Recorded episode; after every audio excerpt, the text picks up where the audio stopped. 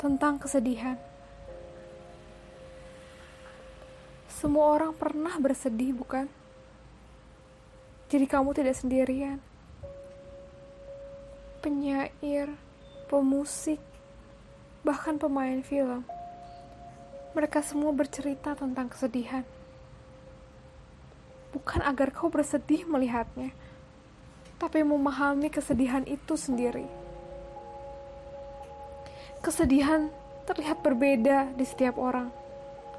Sebagian menangis begitu kencang ketika melihat orang terkasih pergi untuk selamanya.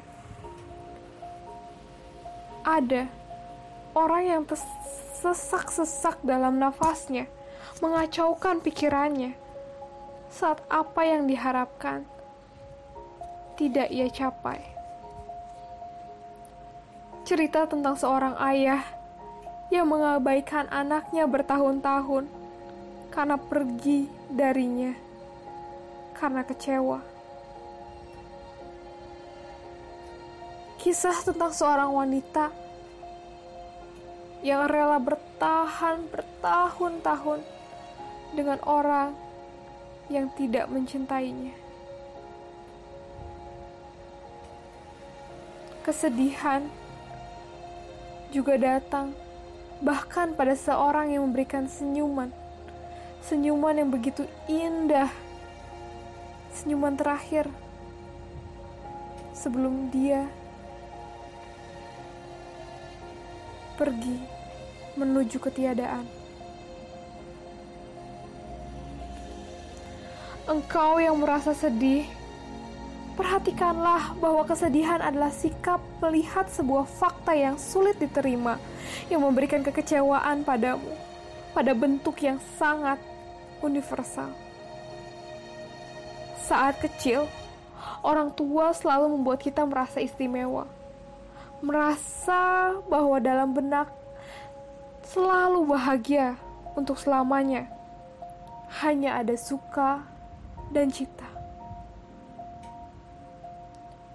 Tapi seiring waktu, kita harus menerima kenyataan bahwa bagian terbesar dalam realitas kehidupan adalah kehilangan dan juga duka. Kehidupan yang indah seperti iklan bukanlah vitamin untuk menjalani kesedihan.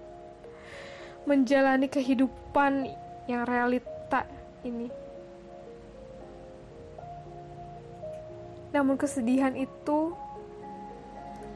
yang berkontribusi pada perkembangan diri. Jujurlah pada diri. Apa pun mimpimu, apa pun jenjang dalam hidup impianmu, seperti kuliah bergengsi, menikah dengan orang yang kau cintai, memiliki karir yang tinggi, tinggal di luar negeri.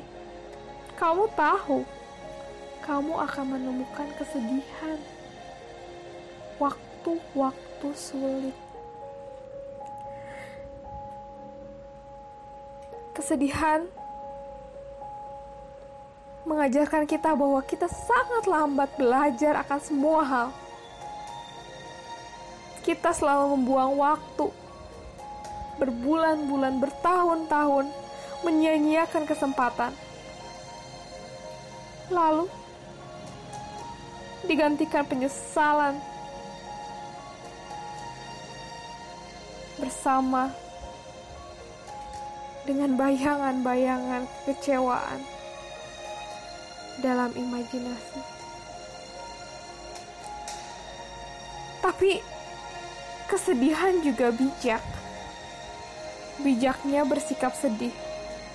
Itu berbeda dengan merasakan rasa pahit atau melakukan sebuah tindak kemarahan. Nyatanya kesedihan bukan lagi tentang kamu, melainkan tentang kemampuanmu berempati. Rasa sedih seharusnya tidak membuat kita depresi, namun melembutkan hati, memaafkan, dan fokus terhadap hal-hal yang penting. Selama masih ada waktu yang tersisa.